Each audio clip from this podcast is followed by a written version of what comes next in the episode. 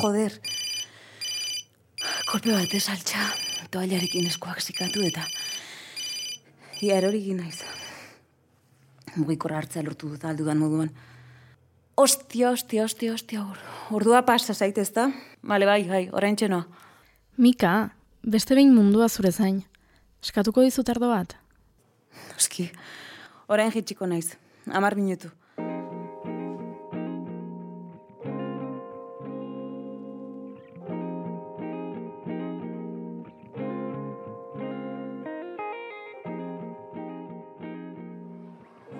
Jendez gainezka dago terraza eta kristo notza egiten du.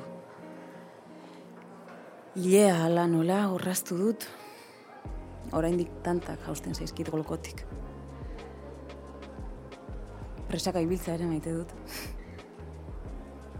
Hori esan behar.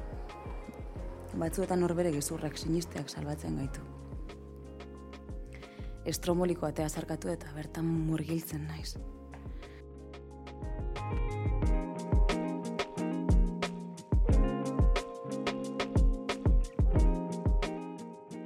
Askotan izan naiz, baina beti da berria. Sartu, eta eskerreko txogan bikote bat dago maraku asko irabiatu erraldoia konpartitzen. Bi pajitekin. Begiekin elkarren orpegia janez.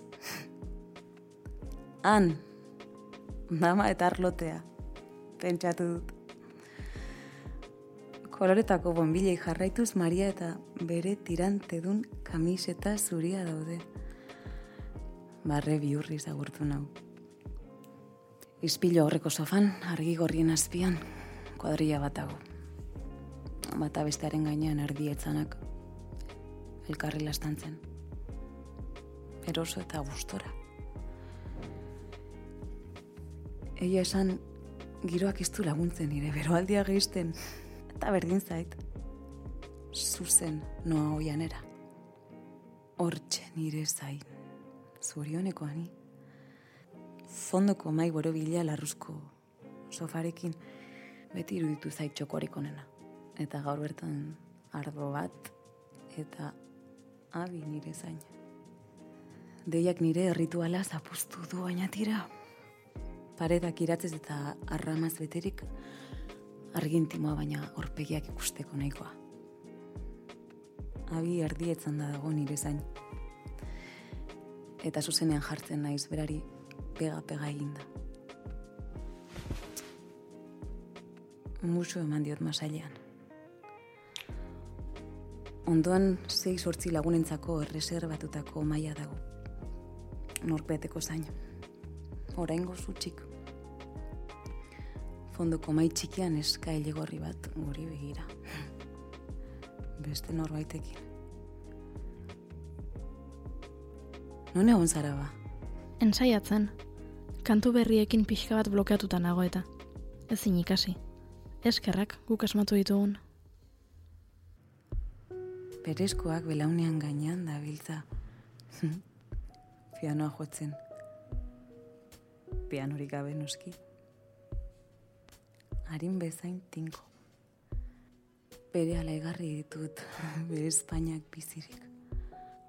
Ardoko partu eta trago hartzerakoan ilegorriaren bikotea ikusi dut lepoa purtu beharrean.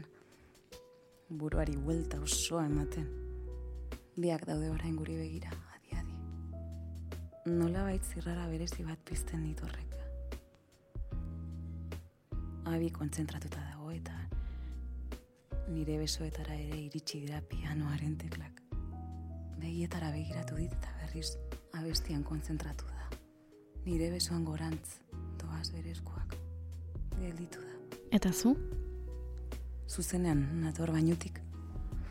Denborak ies egin dit. Ia guztita daukazu oraindik. Uf. Bizio bat da. Kenduko dut egun ematen. Edo ez? Sakratu da. Bikain sentierazten dit. Zeba? Berotasunagatik? Ondoko maila betetzera etorri da kuadri handi bat. Berritxo kuadria. Poteoa luzatu zaiela nabaritzen da. Zenbat jende dagoen gaur, ez? Zezeo paritzen dute. Ez didazu kontatuko zeba? Zergatik zer? Zergaitik gustatzen zaintzun hainbeste. Zer egiten duzun komunean. Odoletan mainatu. Nire gauzak. Arodari eman diot bigarren tragoa eta segidan. Eman behar izan diot urrengoare. Ah, besti berriak ondo? Noiz entzun ahal izango ditut? Badakizu nola bukatuko duen ez da? Diskoa? Zagit. Baladita dramatika batekin. Ez. Ez nabil diskoari buruz izketan. Nire pianista eskuak zure aluan. Ez dakit hitzek eda susurlatzeko duen modu horrek, baina nire honetik atera nau.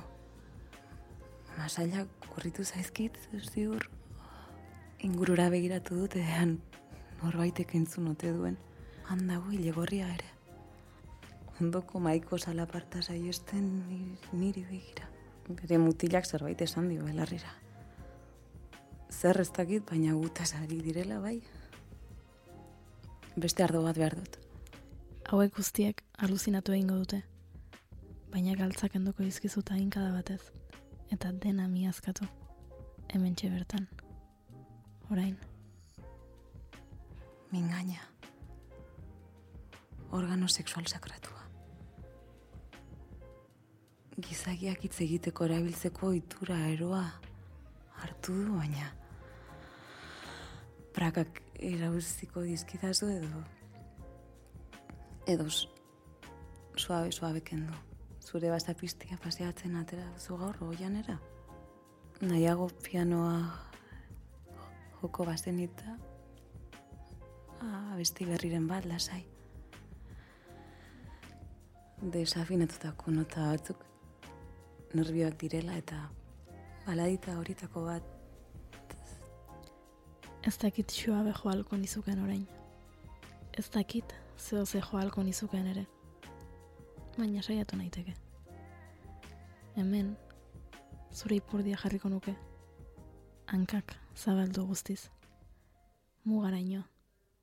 Zuk norarte esan arte eta Beethovenen behatzigarren sinfonia joko nizuke nire atzamar guztiekin. ferik. Eta gero txabela basta, eta ea nork ematen dirkizun lau penik bimban burger bat eskatzeko, Espiratuta zaude ez da. sexua berdin sormena. Eta oarioak bombeatzen ditudanean geldi ezina naiz. Pum, pum, pum, pum. Uf, onomatopeak eta guzti. Ba, ni ere ezin gelditu. Kontatuko dizut zer egingo nizuken pianoa jostean. Pianoa jolenago. Nire izterran zeharrazten da esku batez pianoa jotzen. Eta kantu honek kontatzen du nola arauen kontra egiten duzunean lortzen duzun zure esentzia ezagutzea. Nola muga guztiak apurtu daitezkeen irudimenari esker. Horasten da iraultza. Kontatzen du nola nire eskuak momentu honetan zure kaltzaren barrutik odolez busti eta jota labainkor dagoen aragi horretan guztian barrena sartzen diren emeki. Hori, kontatzen du. Polita dirudia bestiak. Hauei guzti ere gustatuko zaia. Ondoko maiko kuadriari begiratzen diot. Bat edo bestarekin gurutzatzen zait begira da. Baina bueltan noan irera. Ezin dut jada egoera kontrolatu eta berdin zait zer irudikatzen ari diren. Iligorriaren begiradaren bila nabil orain ni. Noski gustatuko zaiela. Ez dakit abestia edo zure alo guztia. Baina bai. Gai ez aldatzen badugu, kamisetak badituzu saltzeko ez da? Jarri hona eta postetxo bat jarri. Bihar goaz jasotzera. Ikeako parkinean gelditu naiz tipoarekin goizeko amarretan. Santanderrekoa da eta erdibidean geldituta gaude. Oitura zaharrak. Hortaz, etzi jarriko dugu postua. Barraskio bat bailizan larruzko eserlekuan zehar arastaka datorra bi. Geroz eta gertuago jartzen da. erdibideak maite dituzu orduan. Bai, batzutan bukaerak baita, eh? Baina erdiko korapioak askoz interesgarriagoak dira. Eta nola jarraitzen doa bestiak? Hm? Zer kontatzen du gero? Nire eskua, terloju baten moduan, zure zuloetan sartuko dela. Eta zulo gehiago egiten joango dela. Odolak bere bidea lasai egin dezan. Koloretako iturrioitako baten antzera. Lurrean etzango naizela. Ahoa zabalik eta zure isuri guztiak nire gorputzan zehar. Nire ahoan zehar sentituko ditu dela. Sentitu nahi ditu dela, orain. Hori esaten du. Sartu izazu orain bertan torlo joan nire geruza guztion barrena. Ez dezu ba, benetan esango. Ez da gize jartzen hauen gehiago. Bari hitz egiteko moduak, benetan muga hauek gainitzeak orain eta hemen sentitzen dugunari bide emateak edo inguruan ditudan begiek nola ikusten gaituzten irudikatzeak. Orgia bat hemen eta orain irudikatzeak. Beti jarri naute hitzek. Baina baita isiltasun goxo batez bustitako begiradek. Gustuko ditut hitzak eta begiradak, biluzik, kontraturik gabe. Mugak zeharkatzeko gai diren horiek. Ez duzu egingo? Abesteak dio mugak gain ditugu. Na, na, na, ni, ni, ni, ni. Mika, Venga, zuk sartu eta nik begiratu egingo zaitut. lehen lurruna zena. Orain lurrun gorria da. Ardoak burua lainotu ote dit. Ardo bakarrak ez du gaitasun hori. Abi dago izpiloaren bestaldean. Zuzen begiratzen. Maiteko baina lizun. Gaurko eguna ez da mugak hartzeko eguna. Itzulera ez daukera. Burua badoa. Eskoa braketan barrena sartu eta behaldea olai. Egin da dudala igartzen dut. Gorria da ardoa. Gorria da odola. Gorria indarra. Hile gorria. Gorria beroa. Gorria desira. Gori gorian. Gorriak begiak. Tamasaiak. Begietara begiratzen diot abiri. Begira eusten diot eta nire eskuak aloa eusten du. Ez du hauz da baldu. Baina jarraitzeko esaten ari da. Onduan duen kusin karratu hartu eta jolasean bagina bezala hanka artera bota dit. Gogor. Kosatzen jarraitu dezadan.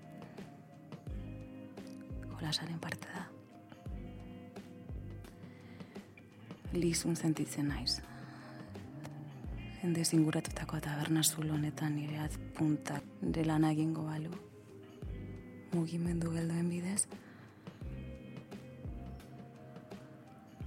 Arnaza eta pultsoa askartzen zaizkit.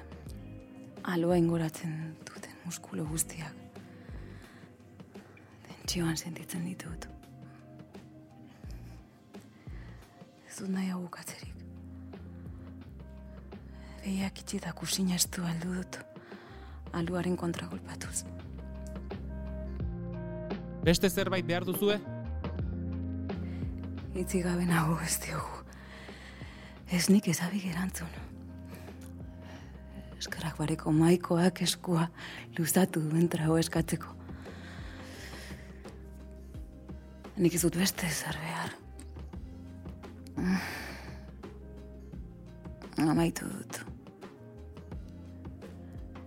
Elkarrizketa eder bat baino erotikoagoa den zerbait badago. Nire hogeita mazurtzi garren makilatxoak egin diezaioke bakarriko ni desafio.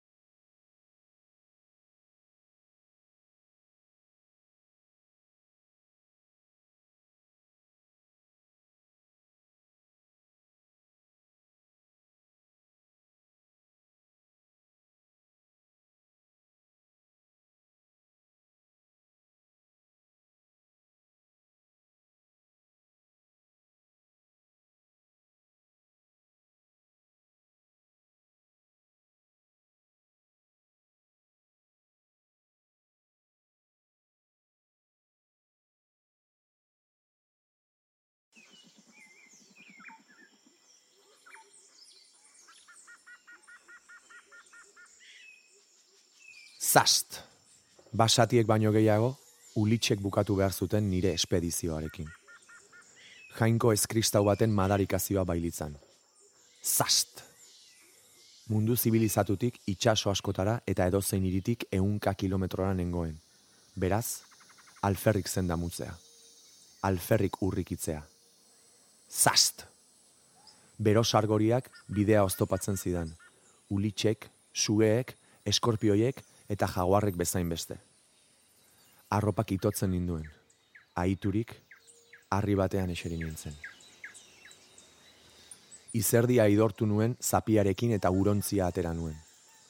Urontziaren azken tanta isuri zen nire espain idortuetara. Kakazarra! Etxiturik, metro batzuk aratago jaurti nuen urontzia. Asperen gogogabetua egin nuen.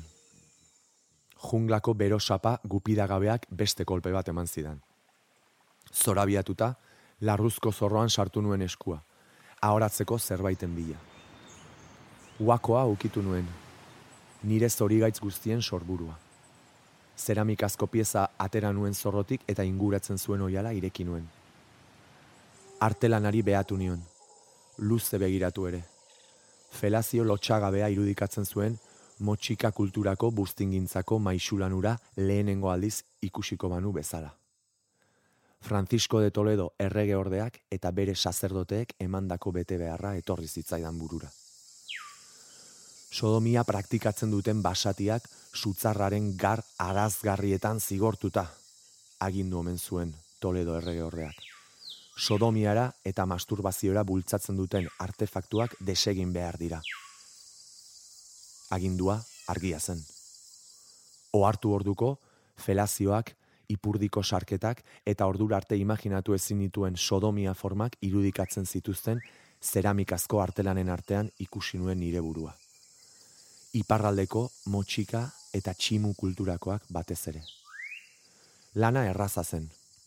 Errege biltegietan pilatzen ziren ehunka pieza mailu batekin lertu eta txikitu egin behar nituen. Kolpez kolpe, jo eta ke zibilizazioa salbatzeaz gain nire harima ere arrisku trinko batetik askatzen duela sentitzera ailegatu nintzen.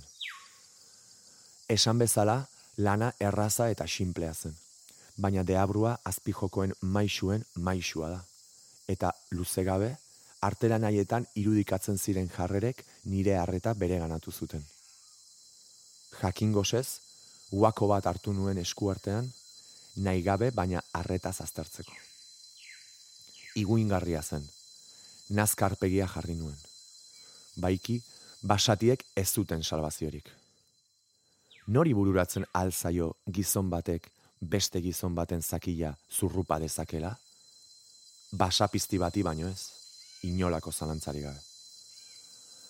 Oartu gabe, atzamarrekin lastandu nuen eskuartean nuen pieza, eta urruneko mundu batera bidaia egiten nuela sentitu nuen belauniko zegoen gizonaren eskulturatxoa laztandu nuen. Honi burua usten zion, eta zutik zegoen beste gizonaren eskulturatxoa laztandu nuen. Azkenik, bi gizonak lotzen zituen zakiltente desproportzionatua laztandu nuen. Burua erabat galdu izan manu bezala, zalantzek eraso egin zidaten. Zer sentituko da beste gizon baten falo gogortua miazkatzean? Zer sentituko da beste gizon baten buztan beroa aho barnean edukitzean. Begiak itxinituen eta nire espainek zakil luze baten larru finetik emeki emeki irristatzen zirela irudikatu nuen. Deabrua nire harimaz jabetu zen eta zakila gogortzen zitzaidala sentitu nuen. Tentetze geldi ezinean. Pumpaka azkarrean bihotza uzkurtu egin zitzaidan. Izutu egin nintzen baiki zeramikazko piezaie guztiak deabruaren trikimaiuak ziren. Asaldatuta, maiuarekin artelanak kolpatzen eta txikitzen jarraitu nuen. Nire amorru guztia artelanaien kontra zuzenduta. Alferrik baina. Txikituta ere, piezaiek nire harimaz erabat jabetu ziren. Jakin minak zentzua usteldu zidan guztiz. Birritan pentsatu gabe abiatu nintzen eta ohartu orduko oianaren erdian nengoen, sodomiaren apologia egiten zuten artelanaiek sortzen zituzten kulturen bila. Izan ere, gehiagizkoa zen egia izateko eta nire begiekin ikustea zen sinesteko modu bakarra. Lekuko batzuen arabera, sodomia onartua zegoen iparraldeko kulturetan. Edo are gehiago, zenbaitetan jainkoen aurreko kultu ekintzatzat hartzen ziren deabruaren praktika haiek. Ezin ezkoa zen, gehiagizkoa egia izateko. Ezin sinetxirik, lekukoen bertsioak errepikatzen dituen nire baitan. Gizonen burdelak? Gizonen dako gizonen burdelak? Posible ote zen? Pampairunak deitzen omen ziren zerbitzari seksualaiek. Ezin nuen sinetxi, eta jakin minak gidatu zituen nire ekintzak. Nire ekintzak eta nire urratsak. Junglaren barrenera gidatu ere.